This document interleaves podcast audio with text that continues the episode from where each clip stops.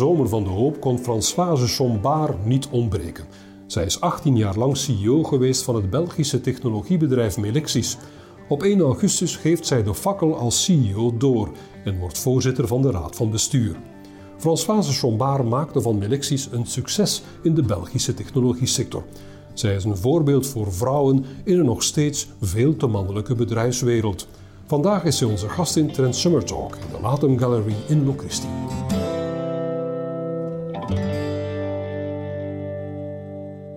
Dag dames en heren, welkom bij Trend Summer Talk. Er zijn niet veel vrouwen die doorstoten naar de top van het bedrijfsleven, maar vandaag hebben we zo'n vrouw te gast. Welkom Françoise Chombard. U bent jarenlang CEO geweest van uh, Melexis, wordt dus nu voorzitter. Melexis behoort tot de BIL 20, dat is de index uh, met de 20 belangrijkste Belgische beursgenoteerde bedrijven. Veel kijkers zullen dus Melexis wel kennen, maar kunt u toch nog even uitleggen, heel kort, wat Melexis precies doet? Zeker, en goedemiddag. Um, ja, wij maken halfgeleiders, dus chips in de volksmond. Ja. Uh, en onze chips die uh, zorgen ervoor dat de analoge wereld naar de digitale wereld wordt vertaald en omgekeerd. Dus dat zijn sensoren en dat zijn drivers. Bijvoorbeeld stroomsensoren in een elektrische wagen. Uh, die dus de stroom meten, een analoog signaal uit de echte wereld. Mm -hmm. Die sturen dan naar uh, de boordcomputer en de boordcomputer stuurt een signaal terug en dan gaan er van alle kleppen en pompen en dergelijke aan het werk. Ja. Dat zijn dan de drivers. Ja, het zijn dus eigenlijk um, halfgeleiders voor toepassingen in auto's die u uh, produceert. Nu, blijkbaar is dat een lucratieve markt, want de halfjaarresultaten, de jongste halfjaarresultaten van Melexis waren zeer goed, uitstekend zelfs. Uh, omzet in het eerste halfjaar met 58% gestegen tegenover het eerste halfjaar vorig jaar. De netto-winst zelfs met 246%. Waaraan liggen die goede resultaten? Ja, ja. Nu, wij doen inderdaad vooral automobiel. En u weet, uh, de automobielsector is terug wakker geworden ja. uh, na de coronaslaap.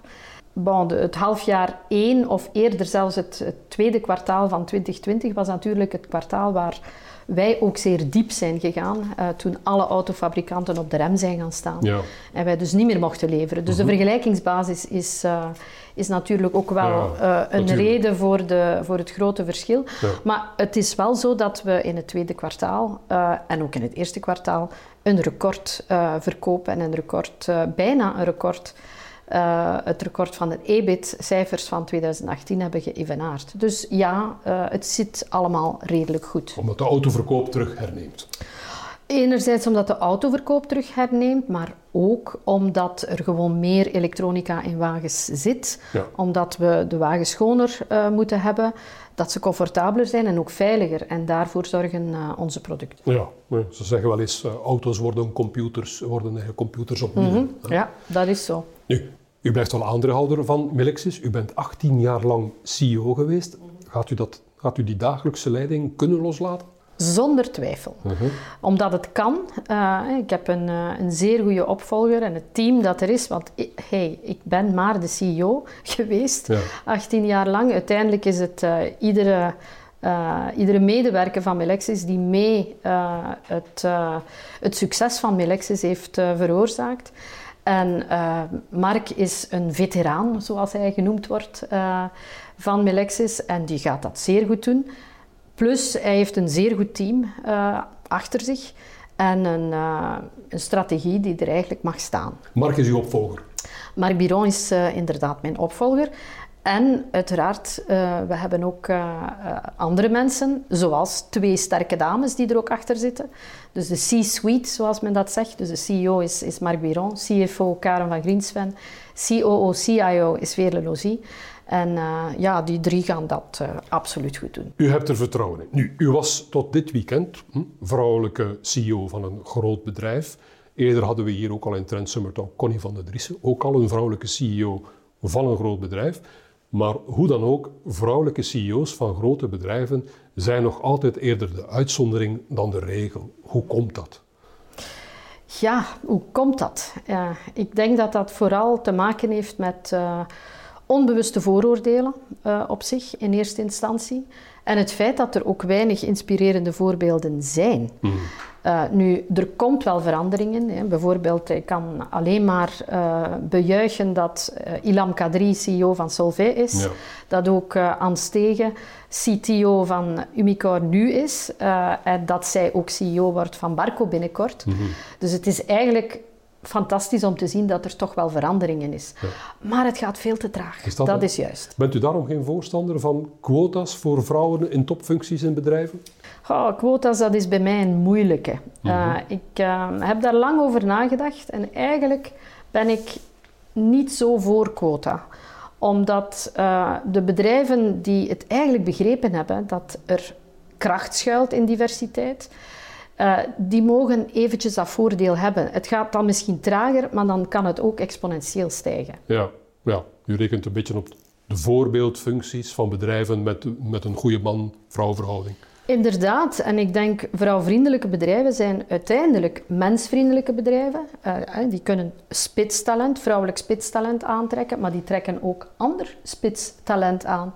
Dus in die zin, je ziet het ook. Bedrijven, er zijn verschillende studies, uh, ik ga ze nu niet allemaal aanhalen, maar er zijn verschillende studies die duidelijk bewezen hebben dat bedrijven met een hogere diversiteit, genderdiversiteit en andere, dat die het gewoon ook beter doen, dat die financieel beter uh, presteren. En kun je ook zeggen dat bedrijven geleid door vrouwen op zich al betere bedrijven zijn daardoor? Ik denk dat uh, bedrijven die een vrouw als CEO hebben, uh, de reden daarvoor is dat die cultuur, dat dat in hun DNA zit, dat dat kan en dat het goed is, dat er soms ook al eens een, een vrouw aan het roer zit. Dus ik denk dat het eerder met de cultuur te maken heeft dan dat het per se met de vrouw aan de top te maken heeft. Ja, ja, in zo. Maar verschilt vrouwelijk leiderschap van mannelijk leiderschap? Vrouwelijke leiders zullen misschien meer oog hebben voor samenwerking, meer oog hebben voor de lange termijn?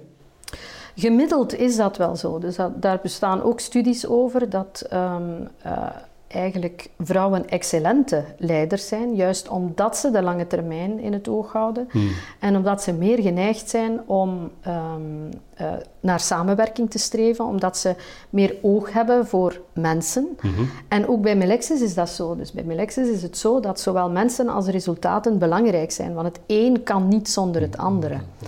Dus die cultuur, uh, dat DNA dat erin zit, zorgt dan ook dat. Um, dat als je dan uiteindelijk spitstalent hebt aangetrokken, dat het dan ook blijft, omdat uh, die mensen zich goed voelen uh, in die cultuur. Om dat nu eens open te trekken, zou je durven zeggen, onder vrouwelijk leiderschap in de wereld, onder meer vrouwelijk leiderschap in de wereld, zou er minder sprake geweest zijn van klimaatopwarming bijvoorbeeld? Omdat ik, ja, zoals we juist zeggen, vrouwen hebben oog voor, meer oog voor lange termijn. Als we nu die uh, studies doortrekken naar het beleid en de politiek, mm -hmm. uh, dan kan je zeggen: oké, als het zo is dat bedrijven met een betere genderdiversiteit uh, of een beter genderevenwicht betere resultaten neerzetten, langere termijn denken, etc. En we zien de de laatste eeuwen, laat ons zeggen, mm -hmm. dat de politiek altijd gedomineerd is geweest door mannen. En dat men uiteindelijk ook meer um, identitaire leiders hebben. Hè. Mannen zijn eerder uh, geneigd om identitaire leiders te zijn en niet de exclusieve leiders die de wereld vandaag nodig heeft.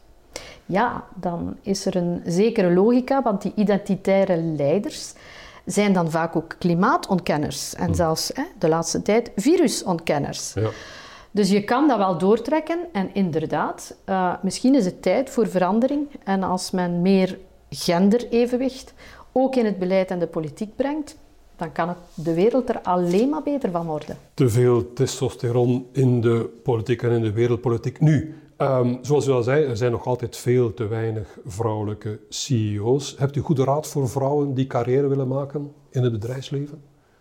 Ik denk dat het belangrijkste is dat je moet je rol zijn, niet je gender. Uh, in de bedrijfswereld of elders. Je moet gewoon je dossiers goed kennen, je moet uh, allez, competent zijn. Uiteindelijk uh, gaat het ook daarom, zeker in de, eigenlijk overal, in alle walks of life is het nodig van competent te zijn, zelfs in de mhm. kunst. Ja. Ehm, dus je, je rol zijn, niet je gender. Volgens mij is dat het belangrijkste. En het andere is uiteindelijk ook uh, naar buiten treden. Ehm, dus dat inspirerend voorbeeld willen zijn. Want vrouwen zijn nogal... Teruggetrokken. Terug, uh, ze trekken zich terug, willen niet noodzakelijk op de voorgrond staan. En dat heeft te maken met opvoeding. Want meisjes moeten uh, braaf zijn. Mhm. Jongens mogen alles boos worden. En uh, dat zit, die, die onbewuste vooroordelen zitten toch nog heel, heel diep uh, in, uh, in onze wereld ja. in het algemeen. Nog dit, veel vrouwen geven, al dan niet onder sociale druk, hun professionele carrière op om voor de kinderen te zorgen. U zelf hebt drie kinderen, als ik me niet vergis.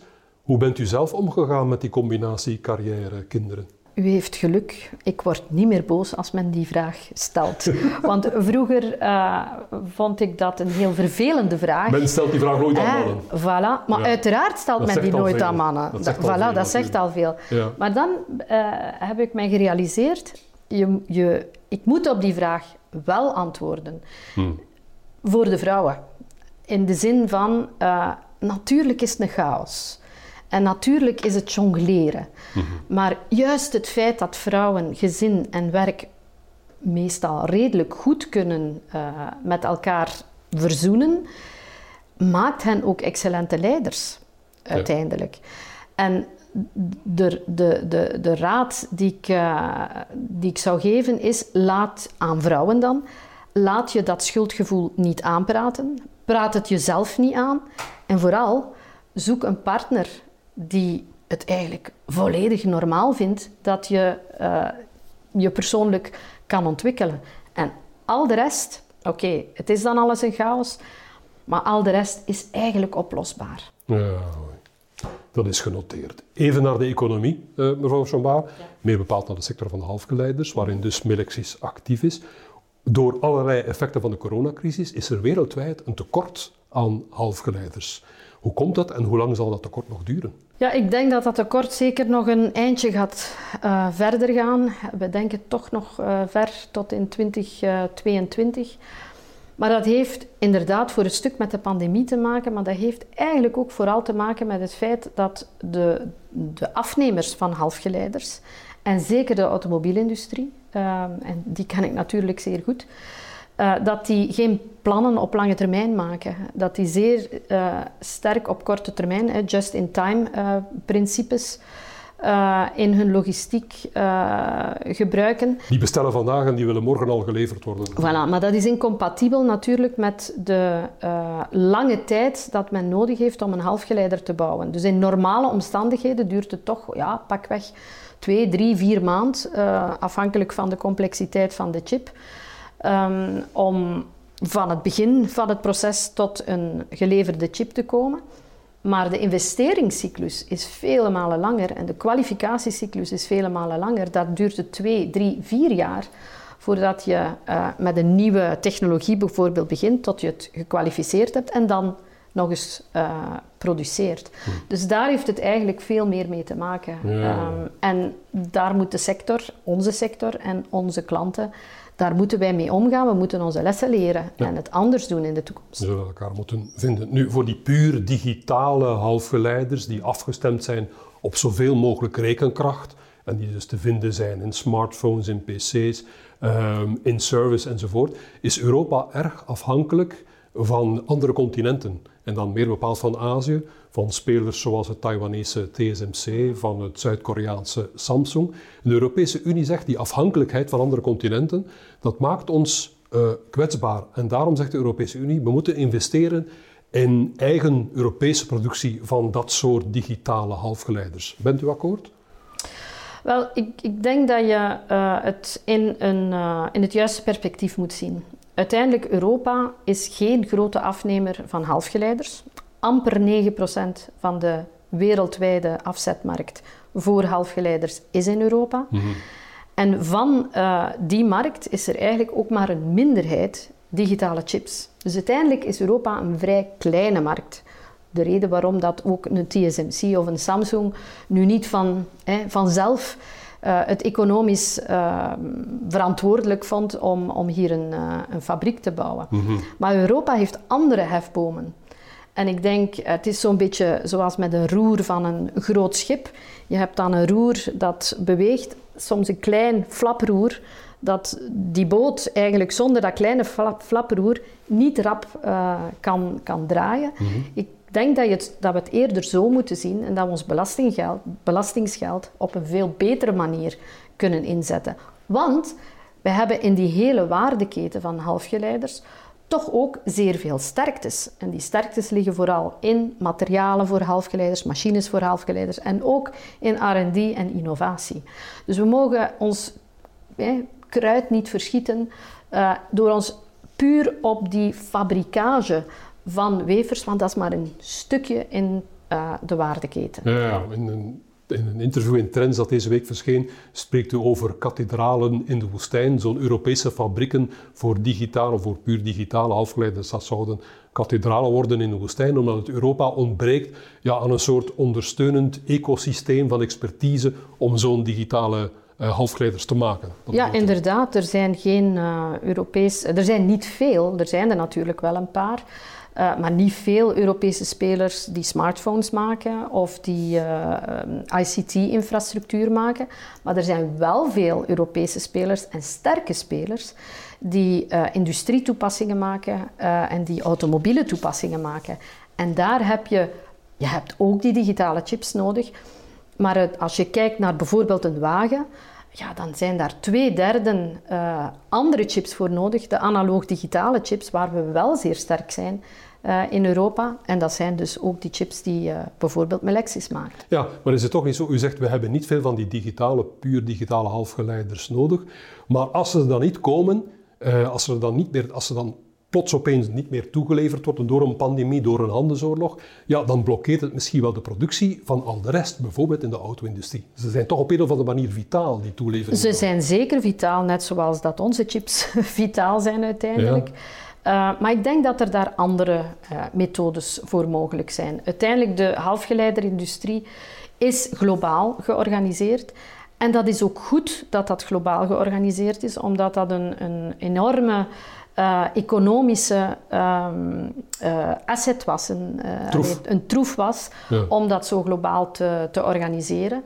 En het is natuurlijk jammer met die Verenigde Staten-China-oorlog. Mm -hmm. um, en ja, het is nu uiteindelijk zo dat, dat we een heel grote consolidatie gehad hebben in de halfgeleiderindustrie. Maar ik denk nog eens, er zijn andere manieren dan hier een kathedraal in de woestijn neer te poten. Ja, want dat zou inderdaad, zoals studies uitwijzen, ontzaglijk veel miljarden kosten. Nu, in het interview in Trends raakt u ook de Belgische energiekwestie aan. Hè? De nagel in de doodskist van de Belgische politiek. U zegt, door de sluiting van de kerncentrales wordt de toevoer van elektriciteit niet langer 100% betrouwbaar. En door die onzekerheid zullen we geen high-tech-industrie meer aantrekken, zegt u. En de sluiting van de laatste twee kerncentrales noemt u zelfs een stommiteit. Blijft u daarbij? Wel, het is zo als je, als je naar de klimaatzaak uh, kijkt, dan uh, is het nodig om zo snel mogelijk weg te blijven van fossiele brandstoffen. Hmm. Dus naar nul uitstoot te gaan. Hmm. En uh, als je kijkt naar hoe uh, de Belgische energieopwekking gebeurt, vandaag is het grosso modo hè, 50% kernenergie, 20% uh, hernieuwbare energie en 30% fossiele brandstoffen. En als je kijkt naar de CO2-uitstoot van die energiebronnen, dan zie je dat kernenergie, de 50% kernenergie, stoot evenveel CO2 uit, en dat is heel weinig, want dat is maar 4% als alle hernieuwbare bronnen samen. Hmm. Maar het grote verschil is dat hernieuwbare bronnen, wind, zon, hè, samen met wind en zon uh, is kernenergie een van de schoonste energiebronnen, maar ook de veiligste. Er bestaat veel fake news over, maar het is nu eenmaal zo. Je ziet eigenlijk uh, het grote verschil dat kernenergie een basisload uh, geeft van het energienet. Terwijl hernieuwbare energie, er is niet altijd zon, er is niet altijd wind. Um, je moet dat regelen. En het is zeer, het blijkt zeer onstabiel te zijn. Dus je moet effectief wel een zeer goede baseload houden. En eigenlijk overal ter wereld, of meestal, is het zo als men fossiele brandstof afbouwt, dan is dat ten voordele van echt hernieuwbare bronnen en niet ten nadele van kernenergie. Terwijl we in België precies het omgekeerde doen. En dat is jammer, want het debat wordt uiteindelijk ideologisch en politiek gevoerd. Terwijl dat helemaal niet het geval zou mogen zijn. We moeten dat wetenschappelijk voeren en we moeten ook de sociale en de economische dimensie ervan meenemen. Dus ik pleit er eigenlijk voor, tabula rasa. Wat er ook in het verleden beslist en gedaan of niet gedaan is, uiteindelijk maakt dat niks uit. De feiten zijn ook wat veranderd. We zijn nu eenmaal, we zien het uiteindelijk dat dat uh, we absoluut die, uh, die nul-uitstoot, naar die nul-uitstoot moeten. We moeten ook uh, ervoor zorgen dat we de gevolgen kunnen beheersen. Mm -hmm. Ja, dan moet men geen gascentrales in de plaats van kerncentrales gaan maar bouwen. U zegt, er ook, u zegt dus ook, we hebben kerncentrales nodig om nieuwe high-tech industrie aan te trekken. Daar, daar blijft u ook bij omdat je een stabiel energienet moet hebben. En daarvoor, daartoe zijn kerncentrales het enige echte goede middel, zegt u? Kernenergie en hernieuwbare energie zijn complementair mhm.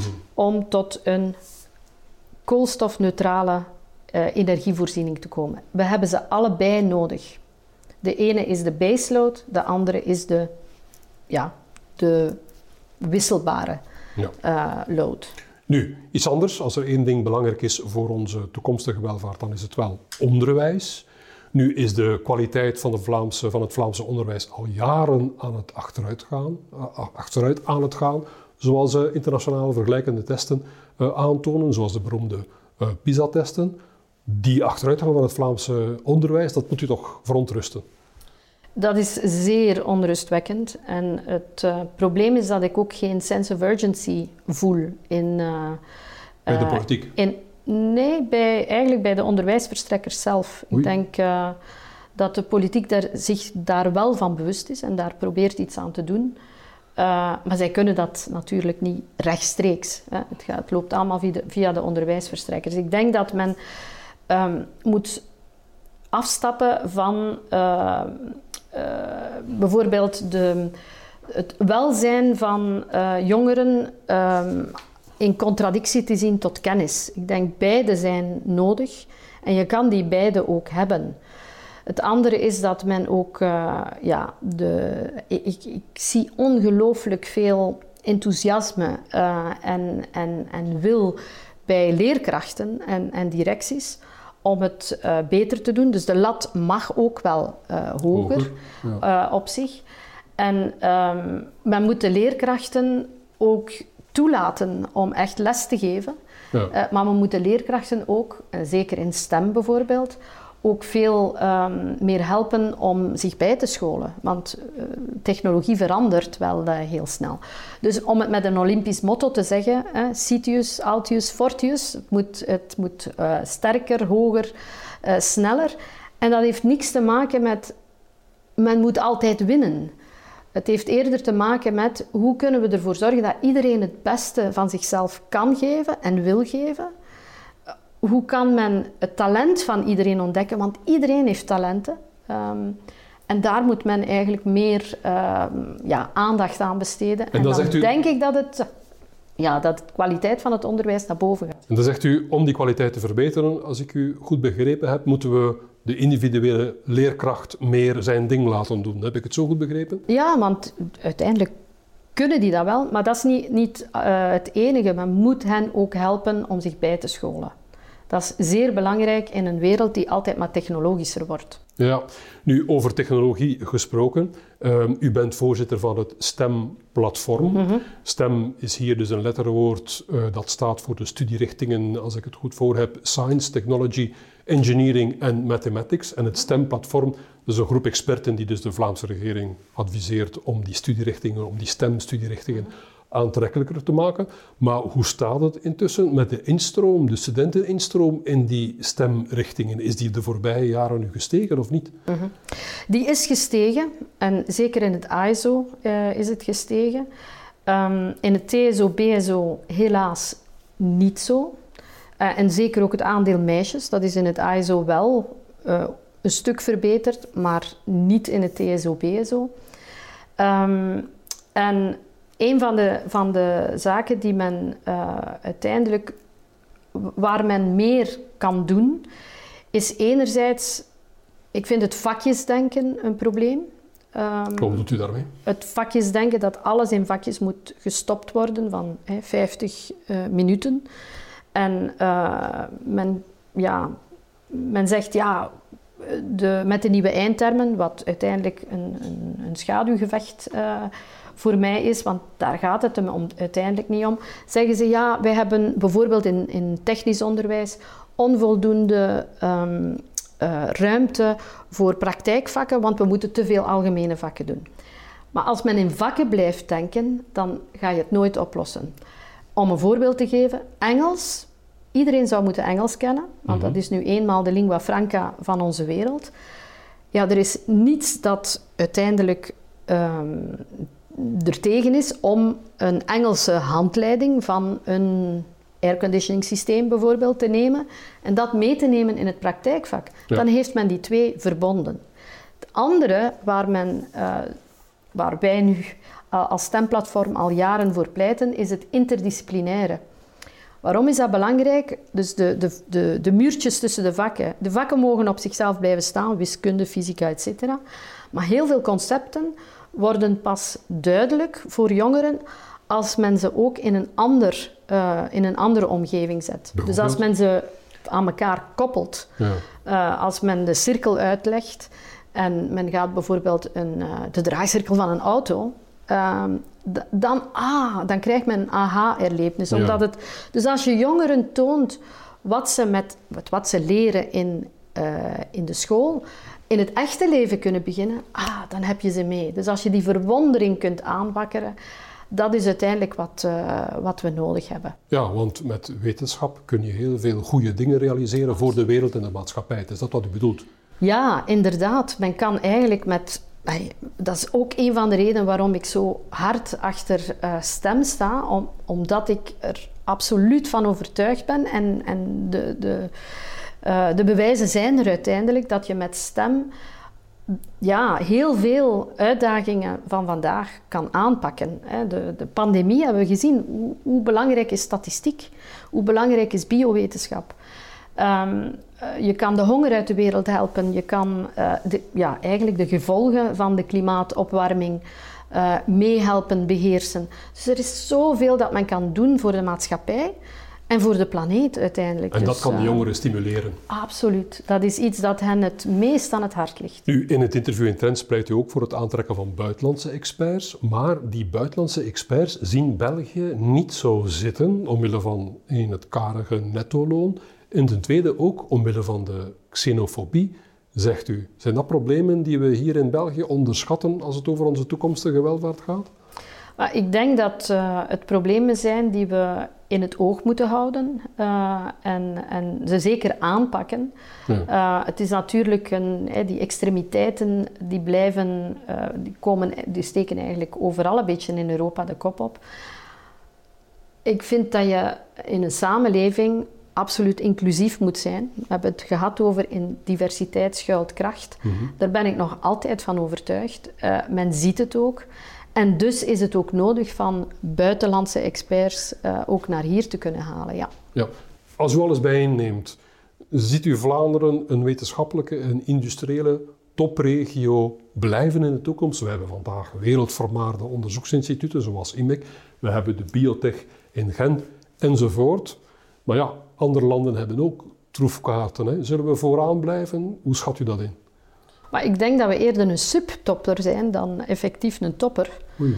Maar goed, zwart, uh, dat is niet het belangrijkste. Ik denk, um, we moeten een goed industrieel beleid voeren.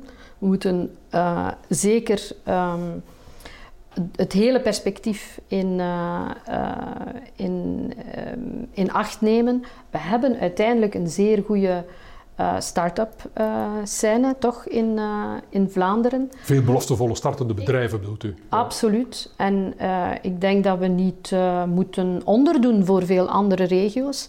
maar we moeten ook niet op onze lauweren rusten. Het komt allemaal niet vanzelf. We hebben ook heel veel goede universiteiten. Laten we hmm. dat niet vergeten. Gelukkig toch. Um, ja, en uh, uh, sommige zijn ook wereldvermaard. Uh, misschien minder bekend dan, dan IMEC, maar het Photonics Research Lab van de UGent bijvoorbeeld, of het Brutbotics Lab van de VUB, dat zijn topinstituten. Ja. Dus laat ons daar zeker ook oog voor hebben. Nu, algemeen gesproken, als u ook andere problemen bekijkt, zoals bijvoorbeeld de klimaatopwarming.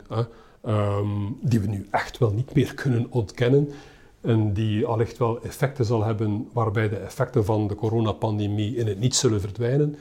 Zegt u dan, nee, de volgende generaties zullen het nog altijd beter hebben dan onze generatie? Of zegt u, vanaf nu gaat het bergaf met de wereld?